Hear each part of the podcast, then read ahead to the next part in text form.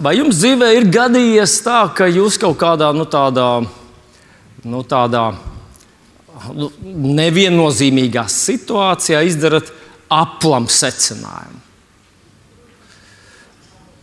Tā ir diezgan daudz. Tad jau jūs zinat, kā jārīkojas. Man, man ir kabinets, jādraudzē, un tur ir uz sienas vairāk uzrakstiņu. Un viens no tiem uzrakstiem ir tāds, ka netici visam, ko tu domā. Diezgan bieži mēs kļūdāmies. Un kādā vietā Jēzus teica, kāds pārsvētdienas atpakaļ mēs runājam, nepievilieties. Cilvēkam ļoti raksturīgi piemānīties, pašam sevi piemānīt un vēl labi justies.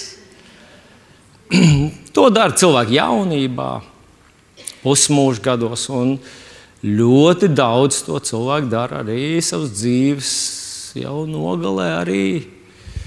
Nu, tā liekas, ka tāda sirma galva ir gudrības pazīme. Nu, nevienmēr.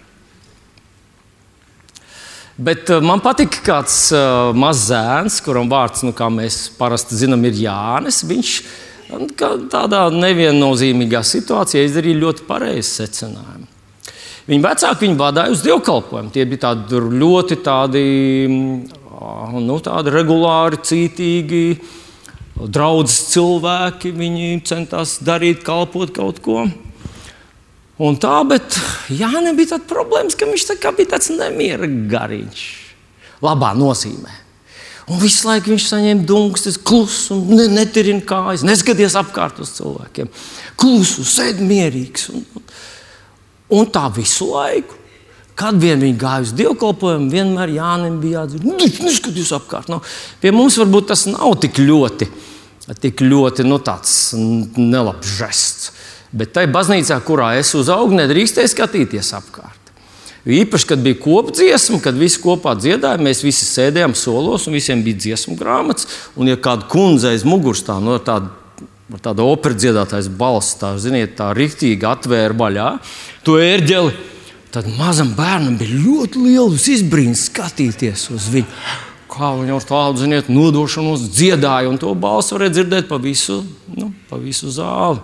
Tad neskaties apkārt, sirdsmīrīgs, nerunā neko. Un vienā dienā mazais Jānis paziņoja saviem vecākiem, ka viņš būs mācītājs.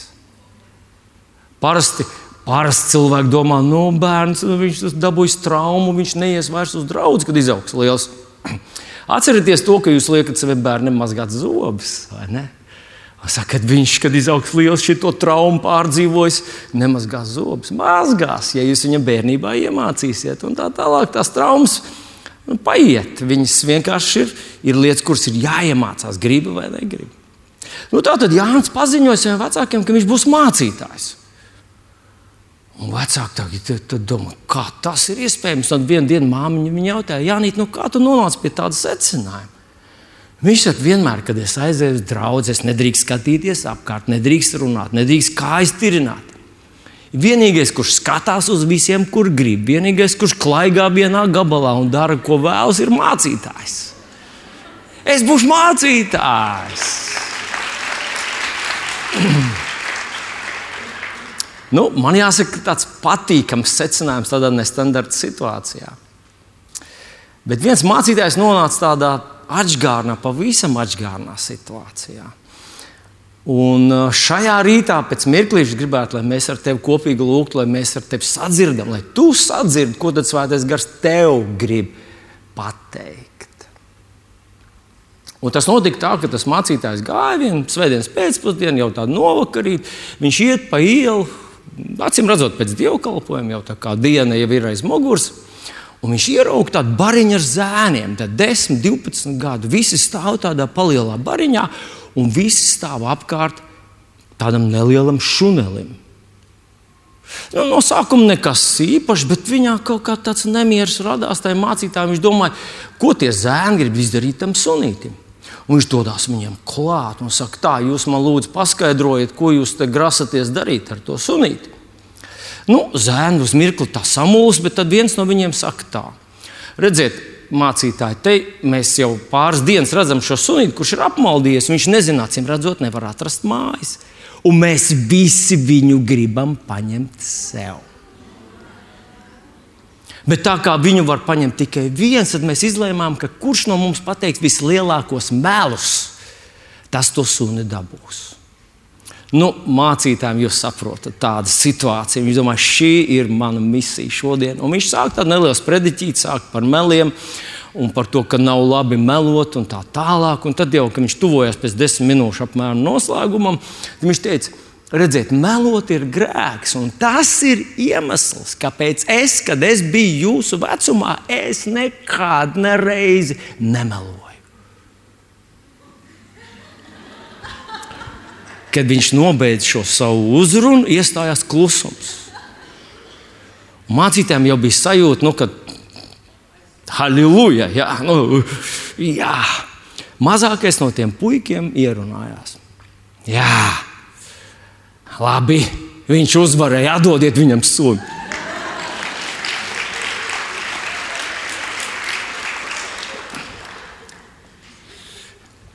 Es nezinu, vai tas bija tas, ko mācītājs gribēja panākt. Bet es pavisam droši zinu, ka šajā rītā Dievs kaut ko gribēja tev pateikt. Un es zinu, ka tas nav viegli. Redziet, par mūsu, par tavu un manu uzmanību cīnās visa pasaule.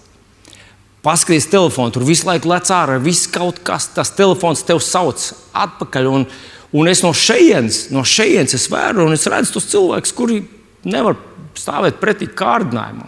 Viņi nu, kā profesionāli baznīcēni, ziniet, tā kā profesionāli dievkalpojumu apmeklētājiem sēž, ģīms ir tāds noregulēts tur. Bet viņa priekšā ir cits sludinātājs.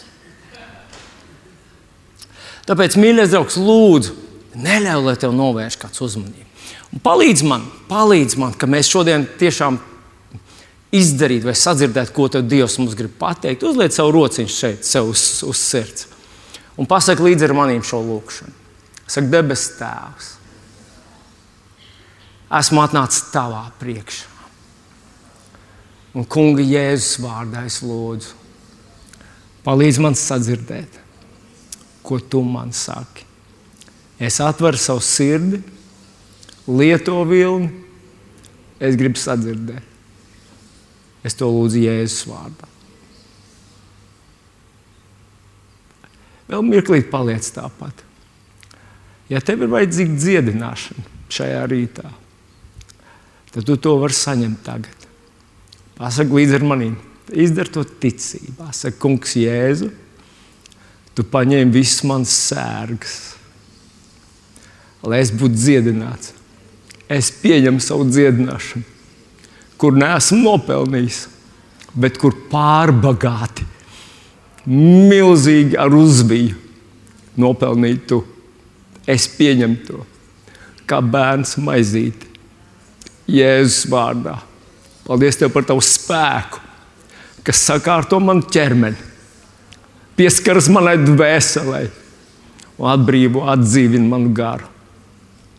Jēzus vārdā. Ja tu to darīji no visas ticībā, uf, kaut kas notika pie tevis. Un kaut kas turpina notikt. Esmu absolūti pārliecināts, ka Dievam neapnīk dziedināt. Ka viņam nav darba stundas, ka viņš to ir gatavs darīt 24 stundas katru dienu no, no debesīs.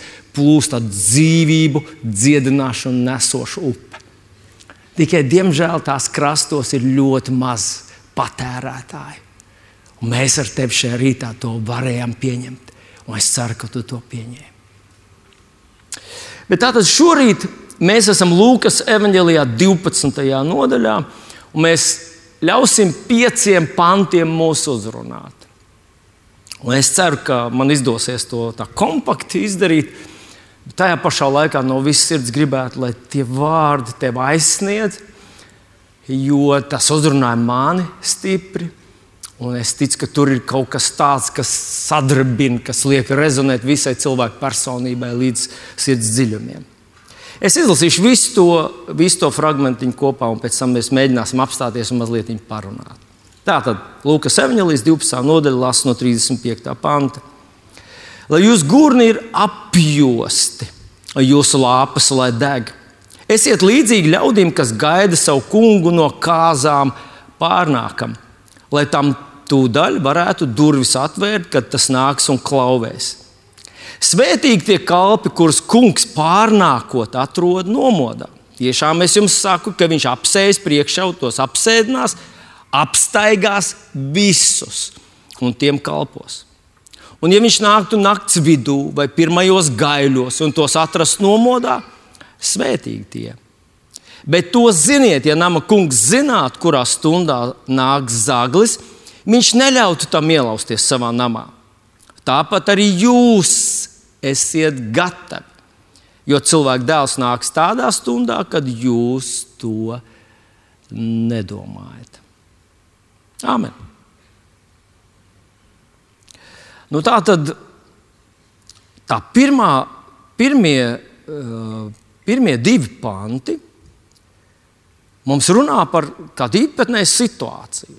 Lai jūs gurni ir apjosti, jūs lāps, lai deg, esiet līdzīgi ļaudīm, kas gaida savu kungu no kāzām pārnākam, lai tam tūdaļ varētu durvis atvērt, kad tas nāks un klauvēs. Par ko šie divi panti runā šeit? Un iespējams, ka tu viennozīmīgi teiksi, nu, te iet par, ja es runāju saviem mācekļiem, un viņš saka viņiem, lai viņu gurni ir apjos un lāps, lai deg. Un, viņš runā par, par kristumu ticīgajiem, par, par mums, viņš runā par mums. Un es tev absolūti piekrītu, ka Jēzus šajos divos pantos, un arī tālāk, viņš runā par mums. Bet, manuprāt, viņš runā par vēl kaut ko. Un šeit man gribas tādu lielāku atsauci taisīt, un tas ir Vispār par ko tad runā Bībele? Kas ir tas centrālais, nu, centrālā persona, par ko Bībele vispār runā, ieskaitot jauno darību? Un mums var rasties tāda sajūta, ka viņš runā par mums, par cilvēkiem. Bet, ja nu es šodien teiktu, ka tā nav, Un ka īstenībā Bībele daudz vairāk un daudz lielākus akcentus liek runājot par to, kāds ir Dievs un kas viņam ir svarīgi un kāda ir viņa vēlme. Un tagad paskatieties nu, uz šo. Bez šaubām viņš te runā par kalpiem, kuriem jābūt gataviem atvērt durvis, bet viņš runā par vēl kaut ko.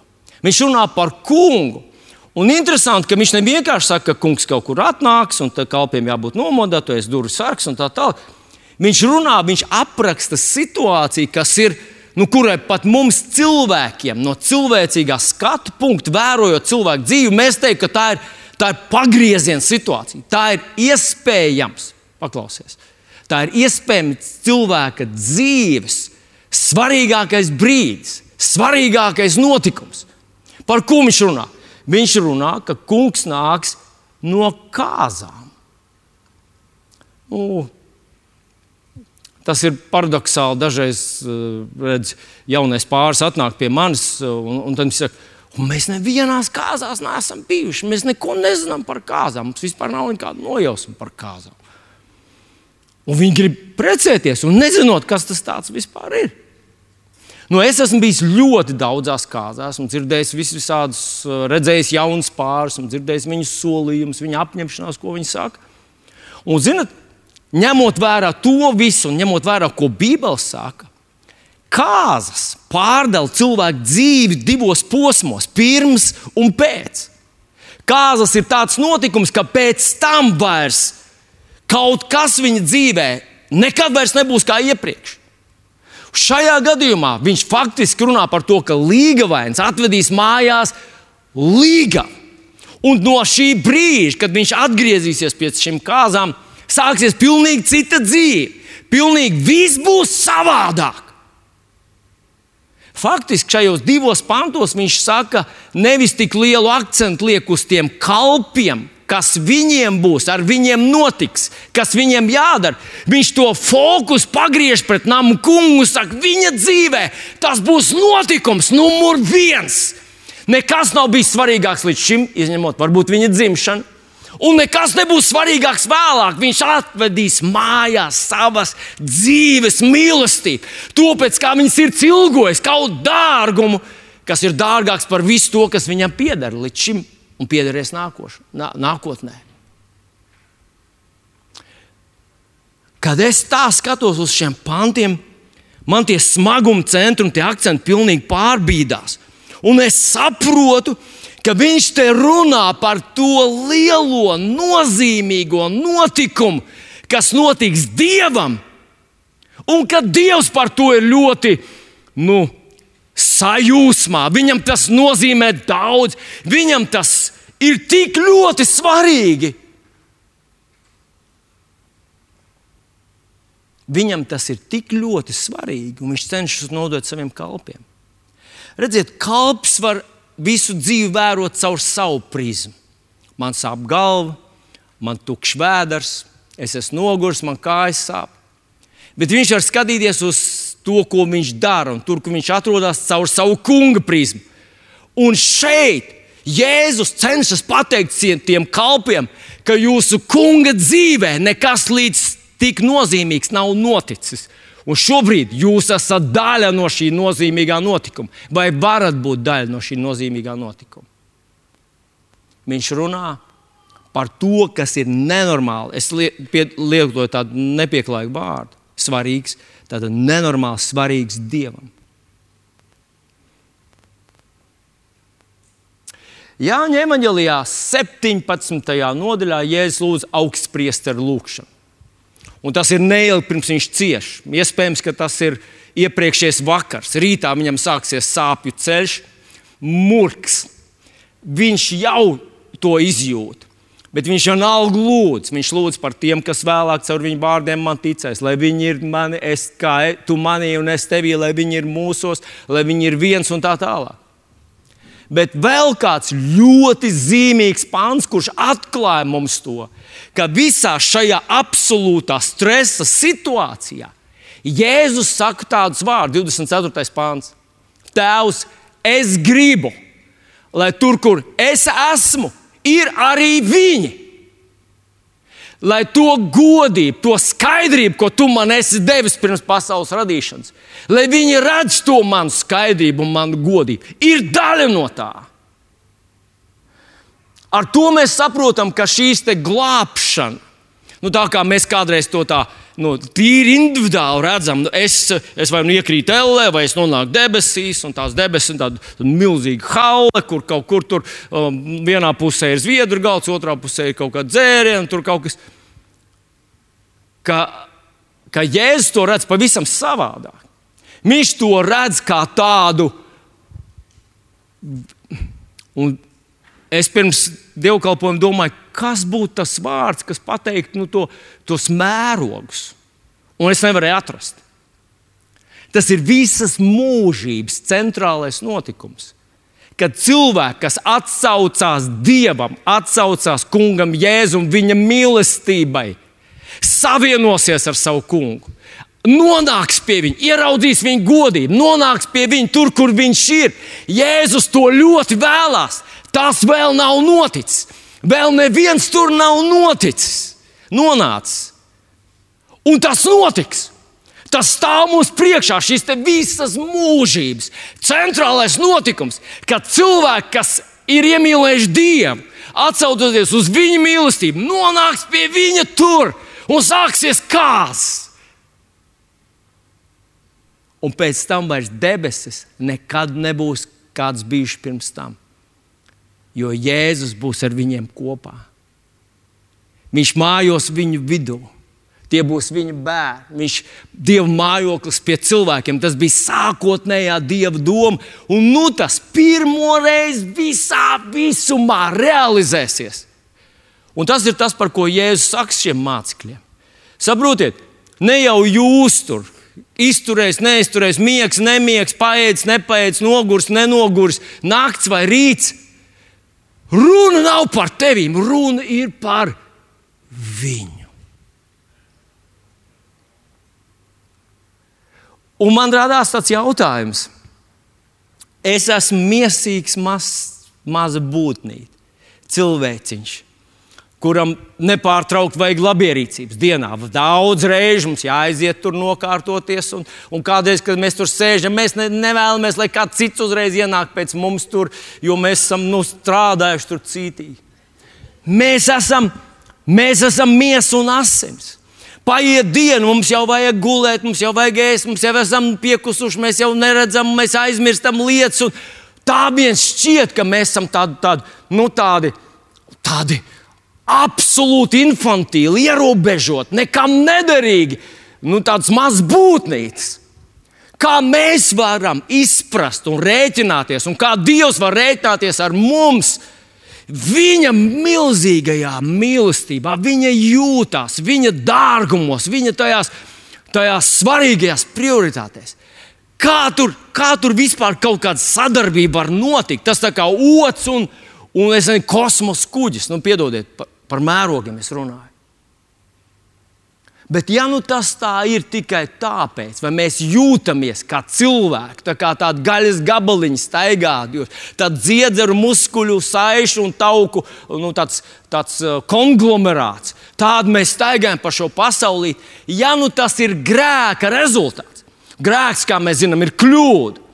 Ja nu mēs jūtam visu aplam, tāpēc ka mūsu sistēmā ir ienācis grēks, un mēs nejūtam to, kas esam, ne, ne, nerīkojamies to, kas esam, bet jūtam to visu absolūti atgādni, tāpēc, ka mūsu sistēmā ir iezagusies kļūda. Un vienā dienā mēs šo kļūdu novilksim, novilksim šo veco ķermeni, grēcīgo ķermeni, mirstīgo ķermeni. Un tad atklāsies kādas spēcīgas, garīgas, jaudīgas būtnes mēs esam.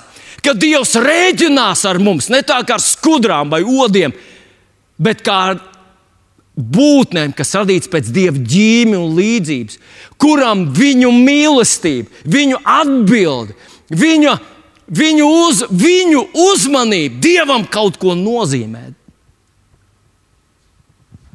Un man pārliecība, ka tas ir tieši tā. Tātad Jēzus runā par namu kungu, kurš dodas pretī savas dzīves svarīgākajam notikumam. Wow! Un tie varētu būt mēs, kas tajā piedalāmies.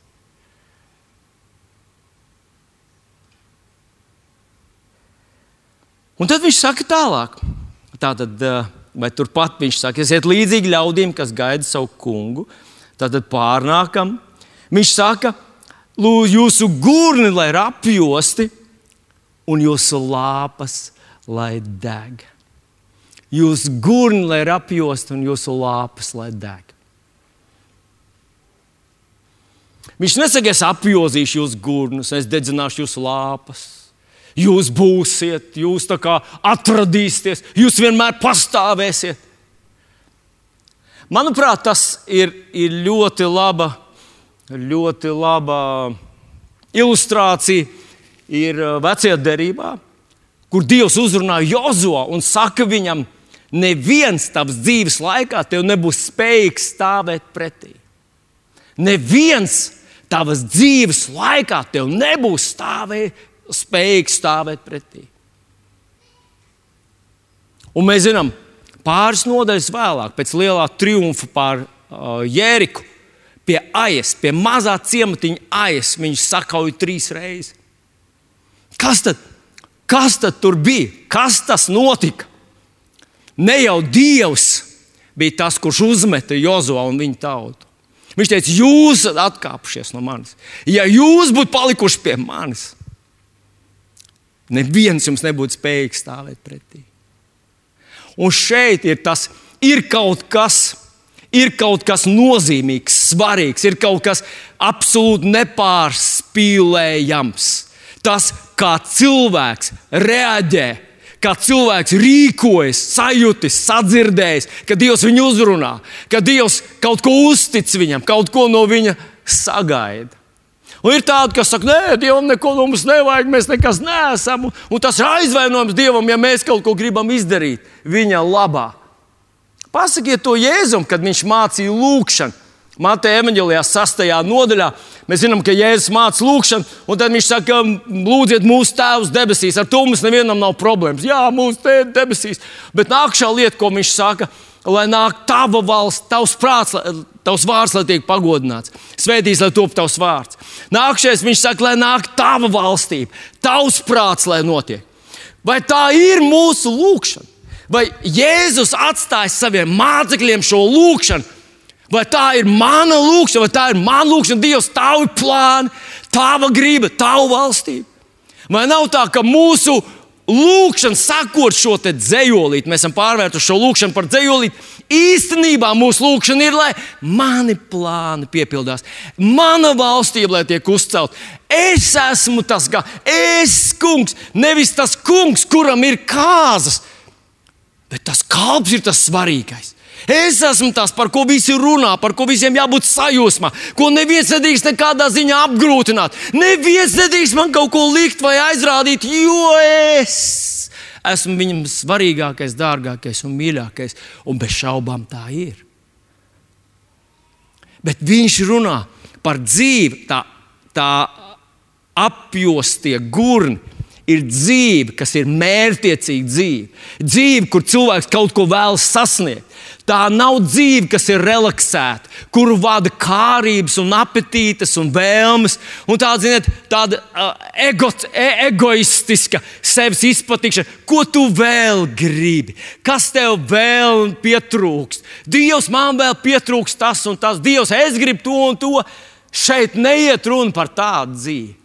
Iet runa par tādu mērķiecīgu dzīvi, ka tev ir uzstādīts uzdevums, un tu no visas sirds to gribi arī piepildīt. Es mēģināšu mazu, mazu ilustrāciju tam pateikt šim pantam par to apjostiem gurniem. Un tas ir kādu laiciņu atpakaļ. Man viens mans draugs sāk sūtīt vienu ārsta video, uh, kur viņš ir amerikāņu ārsts, kurš runā par Amerikas veselības problēmām, viņš runā par cukuru. Faktiski viņš tur vairākos tādos zinātniskos video pierāda, ka cukurs vai cukuru patēriņš, masveida cukuru patēriņš, ka tas ir radījis tos milzīgos Amerikas veselības problēmas. Viņš ja kādreiz mums teica, ka mēs ēdam par daudz spēķi, ēdam vispār par daudz, ka tas ir tas, pie kā viss ir vainīgs. Bet viņš tur ņem statistikas gadu skaitļus un tālāk. Viņš pierāda, ka tas ir nenormāls cukuru un sāls patēriņš. Un viņš ņem tos populāros dzērienus, analizē viņu saturu un tā tālāk. Es noklausījos vienu viņu, viņu uzrunu, otru, trešo, ceturto. Pēc kāda laika es sāku saprast, ka man ir tāda ļoti vēlme, liela vēlme nēst cukuru.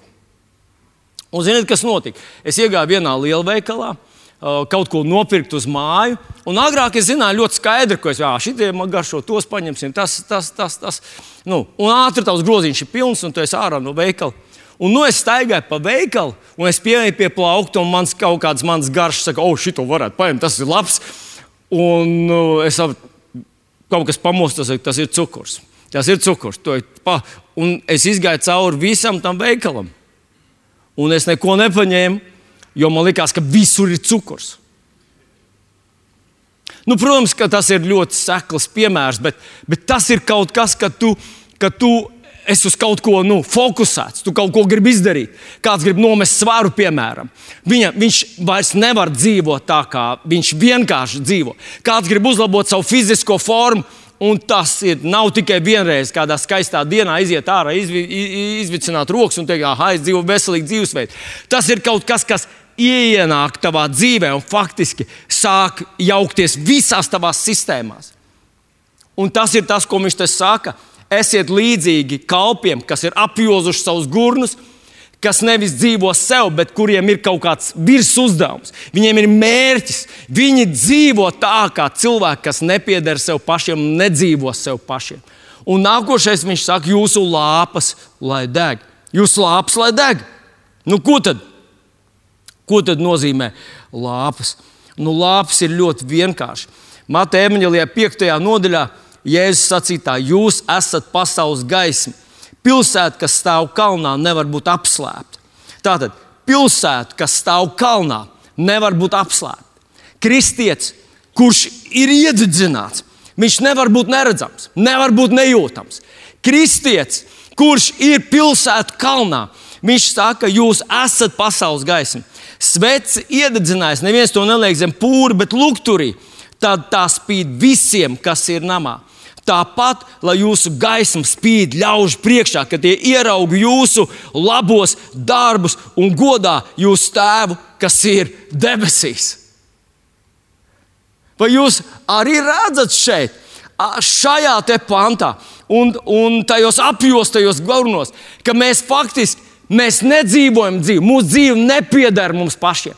Mēs nevaram dzīvot tā kā, nu, tā kā ir ērti. Mums ir dota misija šajā pasaulē. Šajā pasaulē mēs esam atsūtīti kā tādi eņģeļi no debesīm. Mums ir uzdevums šajā pasaulē, kas mums ir jāizdara. Un tas ir svarīgāks par visu citu, jo tas ir tik nenormāli, tik ļoti, tik ārkārtīgi svarīgs mūsu kungam, kurš gatavojas savas mūžības svarīgākajam notikumam, sastapties ar cilvēkiem, paņemt mājās cilvēkus, kas viņu mīl, kurus viņš mīl, un viņš ar viņiem paliks vienmēr. Un mēs ar tevi varam būt tā, tie daļa no tevis.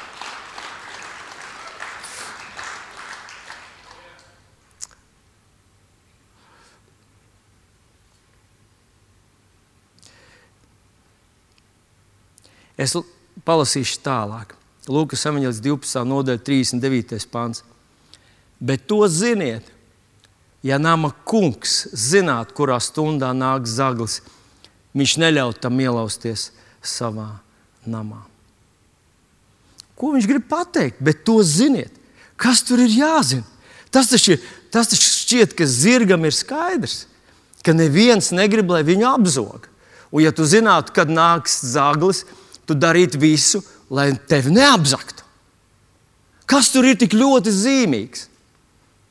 Manuprāt, Jēzus tā īpaši izceļ šo pašsaprotamo domu un saka tā, ka tie, kur gurni nebūs apjosti, tie, kur lukturs nedegs, tie, kas nebūs nomodā, viņi pazaudēs tik daudz, ka, ja viņi zinātu, ko viņi pazaudēs, viņi darītu visu, lai to nepazaudētu. Es pateikšu to vēlreiz, mīļais draugs. Kristietis, kurš apliecina Jēzu par savu kungu un nedzīvo kristiešu dzīvi. Kristietis, kurš saka, ka Dievs man ir izglābis, ienācis manā dzīvē, iededzinājis savu gaisu manā dvēselē, un viņš nedzīvo kristīgu dzīvi. Viņa gurni nav apjost, viņš vienkārši dzīvo kā sanāk, kā, vēl, kā, kā, nu, kā, kā, kā, kāda situācija ērti pakārtojas. Un te es, protams, protams, runāju arī par grēku. Mūsu sabiedrībā tas pilnīgi acīm redzot, ka grēka standarti vai šie morāli standarti, viņi grimst ne pa gadiem, viņi grimst pa mēnešiem ar vien vairāk visatļautību, ar vien vairāk mīsīga dzīve. Viss, ko miesa vēlas, ir labs. Ja tu labi jūties, ja tu labi jūties to darot, tad tas nevar būt nekas slikts, un Dievs tevi nenosodīs. Dievs nekad tevi nenosodīs. Vienkārši dari to, vienkārši esi brīvs, vienkārši izbaudi dzīvi. Romiešiem 8. nodaļā apstults Pāvils raksta tāds vārds tad mūs vairs nekas nesaista ar miesu, ka mums būtu jādzīvo pēc miesas. Un tad viņš tālāk saka, jo ja tu pēc miesas dzīvo, tad tu nomirsi. Šodien tas ir tas. Tas vairs tā kā, nu, tā kā ir nepopulāri. Nē, tas nav pareizi. Nē, vai tiešām mēs esam Dieva bērni, vai tiešām mums jārēķinās ar viņa gribu, vai tiešām mums jārēķinās, cik viņam tas ir svarīgi, ar viņa standartiem. Un kā tu domāji? Vai tiešām mēs sevi apliecinām par viņu bērniem, varētu visam tam spļaut virsū, varētu visu to ignorēt un dzīvot vienkārši tā, kā gribas. Vienkārši tā kā apetīts, tā kā kuģis sula, tā kā mani dziederi, tā kā viss mani vāda, mani grib, mani plos uz pusē. Viņš saka, nē, mēs nevaram dzīvot pēc miesas. Mēs nevaram dzīvot pēc miesas un pretendēt uz to, ka mēs atradīsimies tur, tajā, tajā godājamajā vietā, ka mēs esam starp tiem, kas ir nodevuši savus dzīves, nodevuši savam ķēniņam, savam kungam, kas rēķinās ar viņu standartiem, kas ir ierobežojuši savu miesu, lai neļautu miesai valdīt, bet dzīvo garā. Viņš saka, bet ja jūs gara spēkā darāt galu miesas darbībai, gara spēkā darāt galu miesas darbībai, tad jūs dzīvosiet. Mūsu miesas visiem ir vienādas. Tās ir lepnas, egoistiskas, tās grib baudīt, tās grib vienkārši, vienkārši dzīvot augstprātīgu, lepnu, aizvainojumu pilnu dzīvi. Neviens man neko nedrīkst norādīt. Tā ir miesa. Miesa neviens, es daru tā, kā gribu. Es, es, es manas sajūtas ir svarīgākās. Bet tā nav kristietība. Kristietība ir svarīgākais, ir viņš. Un, mīļais draugs, mēs ar tevi dodamies sastapties, kļūt par cilvēkiem, kas būs kopā ar Dievu, kas dzīvos ar kungu Jēzu, dzīvos mūžīgi mūžos. Tas izmainīs visu mūžību mēs nevaram turp nonākt. Vienkārši dzīvodam tā kā šīs pasaules cilvēki. Svēts iededzinājis. To neviens nenoliek zem pūļa, liek to lukturī, lai tā spīd visiem. Īsnībā kristietis tajā sabiedrībā, kas būs pēc gada, Viņam ir jāizceļas no kolektīva, viņam jāizceļas no, no grupas, viņam jāizceļas klasē, viņam jāizceļas grupā. Vienalga, kādā viņš arī sabiedrībā neatrastos. Mēs netopam šai pasaulē līdzīgi. Mēs pārvēršamies mūsu kunga līdzjūtībā. Un tas, tas nav tāds izvēles priekšmets. Tas ir tas, ko mēs darām, tāpēc, ka esam Dieva bērni. Tātad cilvēks, kurš vienkārši dzīvo miesā, ja viņš zinātu, ko viņš pazaudē, tas ir šie Jēzus vārdi. Zinat, ja nama kungs zinātu, kad atnāks zāglis, viņš neļautu, viņš neļautos, viņš negribētu, lai viņam paņem prom to pašu mūžībai svarīgāko, dārgāko. Un tad es lasu nākamo pantu pēdējais šodien. Tāpat arī jūs esiet gatavi, jo cilvēka dēls nāks tādā stundā, kad jūs to nedomājat. Ko tu gribi pateikt mums? Tāpat arī jūs esat gatavi, jo cilvēka dēls nāks tādā stundā, kad jūs nedomājat. Esiet gatavi. Ko viņš mums saka? Vai viņš mums saka, lai mēs zinām to stundu? Vai viņš saka, ka viņš nāks, viņš novaktēs, ka tu neesi gatavs un nāks tad? Vai viņš mums saka, lai mēs esam gatavi? Šī gada kaut kur uh, sākuma dievkalpojumos, vienā no dievkalpojumiem bija tāds pravietojuma vārds, kuru, kurš atnāca man dievkalpojuma laikā, un tas ir sagatavot savu lukturi. Un tā ir, tā ir dzīve, kas ir nodota kungam. Tā ir dzīve, ka tu rēķinies ar viņa, viņa lietām. Tā ir dzīve, kurā ir lūkšana, kungs, tavs prāts, ko tu gribi, lai es daru. Ko tu gribi, lai es daru? Un katru reizi, kad mēs lūdzam šo lūgšanu, mūsu miesas saraujās. Jo viņi domā, ka Dievs noteikti būs izdomājis kaut ko tādu, kas tev, kas tev būs pretīgs, nepieņemams un tā tālāk. Bet īstenībā Dievs vienmēr ir izdomājis kaut ko tādu, kas ir ļoti harmonisks, saskanīgs ar tevi. Kas tu esi tam radīts, lai šajā laikā tu dzīvotu harmonisku, uh, spēcīgu dzīvi, kur tu varētu iesaistīt visas savas prasmes, visas savas talants un būt maksimāli efektīvs pret cilvēkiem apkārt. Bet vienalga miesa to nevar ciest šo lūkšanu. Bet tai būtu jābūt manai lūkšanai, Dievs, ko tu gribi ar mani izdarīt. Cik man gadi ir palikuši? Dievs, es gribu, es gribu to izdarīt, ko tu gribi. Palīdz man, palīdz man. Bet ko tad viņš te saka? Esiet gatavi, jo cilvēka dēls nāks tādā stundā, kad jūs to nedomājat. Es mazliet paklausos kādreiz, ko runā mācītāji apkārt tepat Latvijā mūsu arī vietējie mācītāji.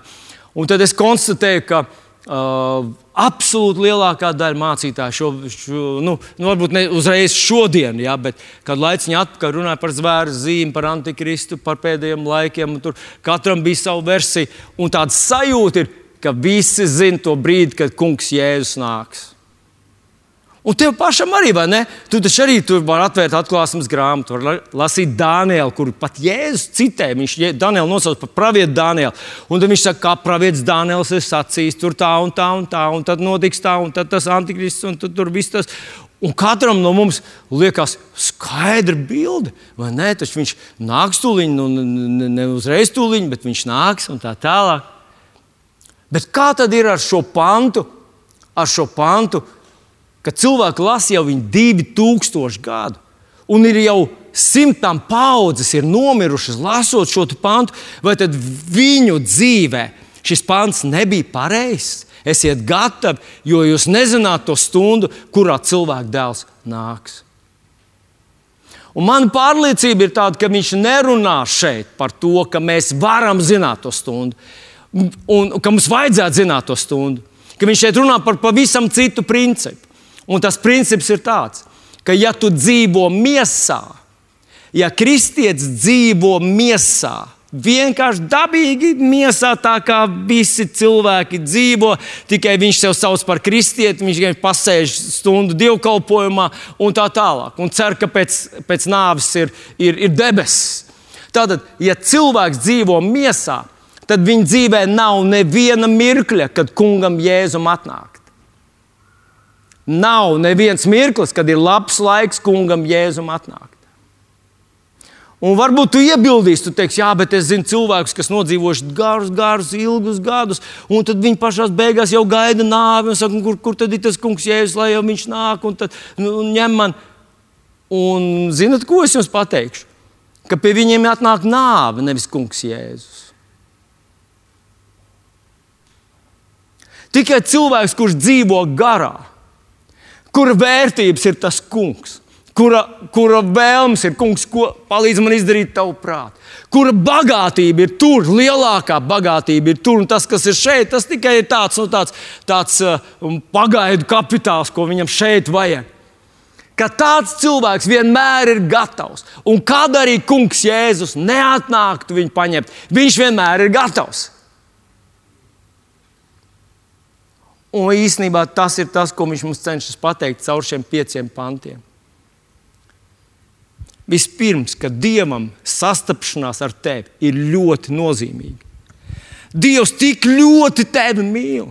Tik ļoti svarīgi viņam ir tā diena, kad viņš varēs tevi sastapt, kad tu ieraudzīsi savu kungu Jēzu, viņa godību, viņa mīlestību, ka tu savienosies ar viņu un paliksi ar viņu mūžīgas mūžu, mūžos, mūžu, mūžos, mūžu, mūžos, mūžu, mūžos, ka tavu mūžību ir tik svarīga viņam, lai tu būtu viņam blakus un tu kaut ko ar to vari darīt. Tā ir tava reakcija uz viņa mīlestību, tava reakcija uz to, ko viņš priekš tevis ir sagatavojis. Var būt vai nu tāda nolaidīga, un saka, no ko tu tur, nu, vai, vai taisies. Ja man, man svarīgi ir tas, tas es. Vai tu netiks glābts, vai tāds cilvēks netiks glābts, viņš būs ellē. Es šodien nebaidos uz to atbildēt, jo tas ļoti Tas ir, ir var atrast pantus, kuros ir tā tāds mājiens, ka kalpam, kurš zinādams savu kunga gribu, to nebūs darījis. Nu, ka viņš piedzīvo sliktas dienas. Bet tāds, kurš būs zinājis savu kunga gribu un būs viņam klausīs un būs vēlējies izdarīt viņa prātu, un kuram tas bija dārgi, un kuram viņa mīlestība bija dārga, kurš centās pārkāpt pāri savam ego, saviem aizvainojumiem, saviem lepnumiem, savām negācijām. Un, zinot, ja mēs dzīvojam miesā, mēs gandrīz simtprocentīgi mēs esam apvainojušies. Atcerieties, Bībelē teiks, ka starp lepniem ar vienu ir nesaskaņas. Un, un miesa ir lepna. Ja? Miesa ir augstprātīga, lepna, ļoti viegli viņu aizvainot. Un, un tāds cilvēks faktiski Faktiski Bībelē saka, Dievs lepniem stāv pretī.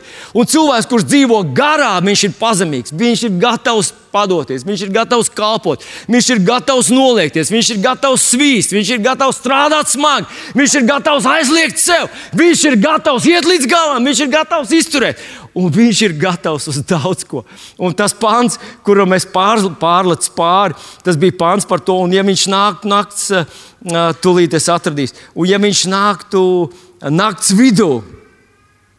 Ja viņš nāktu naktas vidū, tūlīt es atceros. Jā, 38. Ja viņš nāktu naktas vidū vai pirmajos gaiļos un tos atrastu nomodā, svētīgi tie.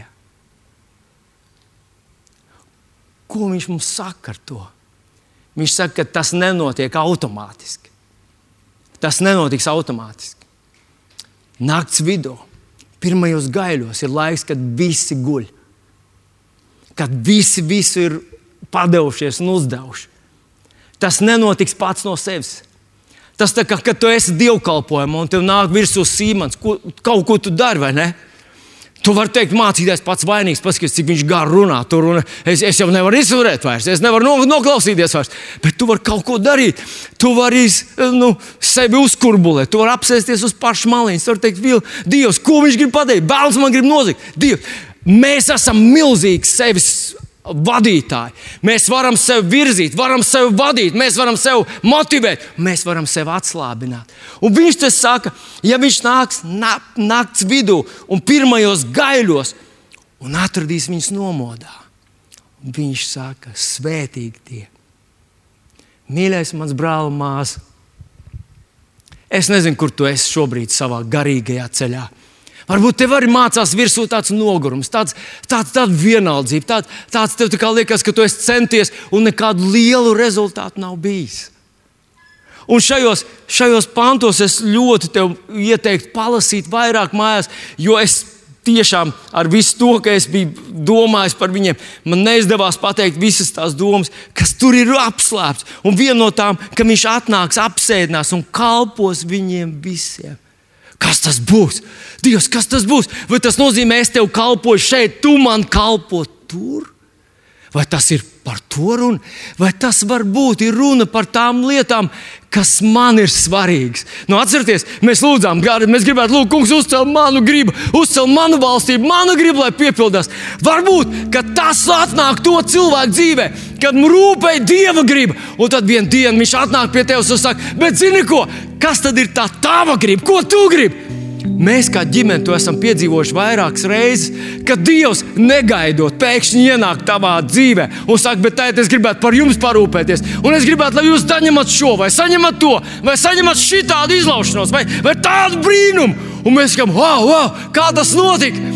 Un tas notika kad naktas vidū un pirmajos gaiļos tu nepadevies, tu nesalūzi, tu nevīlies, tu negāji prom, neteici, ah, tas man nav dots, nu kā būs, tā būs. Nē, tu cīnījies, tu cīnījies ar sevi, tu teici, Dievs, tas tev ir tik svarīgi. Dievs, tev ir tik svarīgi, man mīlestība, man lūgšana, tev ir tik svarīga man kalpošana. Es neuzdošu, nepadošos, es neatkāpšos, ne, es nevilšos, es nesadusmošos cilvēkiem. Dievs, es to daru tevis dēļ, jo es gribu tevi sastapt, es gribu nonākt pie tevis, es gribu, lai tad, kad kad tu atnāks un pieklāvēs, lai es esmu gatavs. Vai tu to gribi? Varbūt tu neesi emocionāls cilvēks. Varbūt tu esi tāds garīgs, tev tā kā neko tu nejūti, un tev, tu lasi to Bībeli, un tu liekas, nu, bet ja tu centies, ja tu saki, Dievs, es gribu, Dievs, es, es nemāku izpaust mīlestību, bet es gribu no visas sirds tev to izpaust. Debes Tēvs, es saprotu, ka tev tas ir tik svarīgi, un man tas ir svarīgi. Ah. Svētīgi tie, esiet gatavi, jo cilvēka dēls nāks tādā stundā, kad jūs to nedomājat. Kungs, mums ļoti vajag šo tavu kalpošanu. Mums ļoti vajag šeit Mums ļoti vajag, lai Tavs gars pieskarās mums. Mēs lūdzam no visas sirds par saviem radiniekiem, saviem draugiem, paziņām, kuriem esam liecinājuši, liecinājuši, liecinājuši stāstījuši. Un liekas, ka tā kā pret sienu kungs, mums tā vajag, lai viņi neaiziet pazušanā. Mums tā vajag, lai mūsu bērni piedzīvotu tevi. Mums tā vajag, lai mūsu sirmgā, mums tā vajag, lai mūsu garbi kolēģi, tie labi atvērti, erudītie, gudrie, enerģiskie. Mums tā vajag, lai viņi neaiziet ellē. Dievs, mums tā vajag, lai mēs būtu ar tevi, un arī viņi būtu ar tevi. Lai mēs ar tevi esam mani bērni, esam mani draugi, lai mēs būtu debesīs. Dievs, man to vajag. Dievs, es to gribu. Dievs, tas man sāp manā sirdī. Un zini, kas to ielikt tur? Viņš. Jo viņam tas sāp. Un tāpēc man liekas, ir pēdējais laiks mums pagriezt skats prom no sevis, no tām savām vēlmēm, no tām savām lielajām ambīcijām, no tām savām vēlmēm, nu taču būt beidzot laimīgam, laimīgam, kad vēders ir pilns. Un, un kas, kas vispār ir laime, kas vispār ir dzīve, ja tā nav kunga jēzus klātbūtne?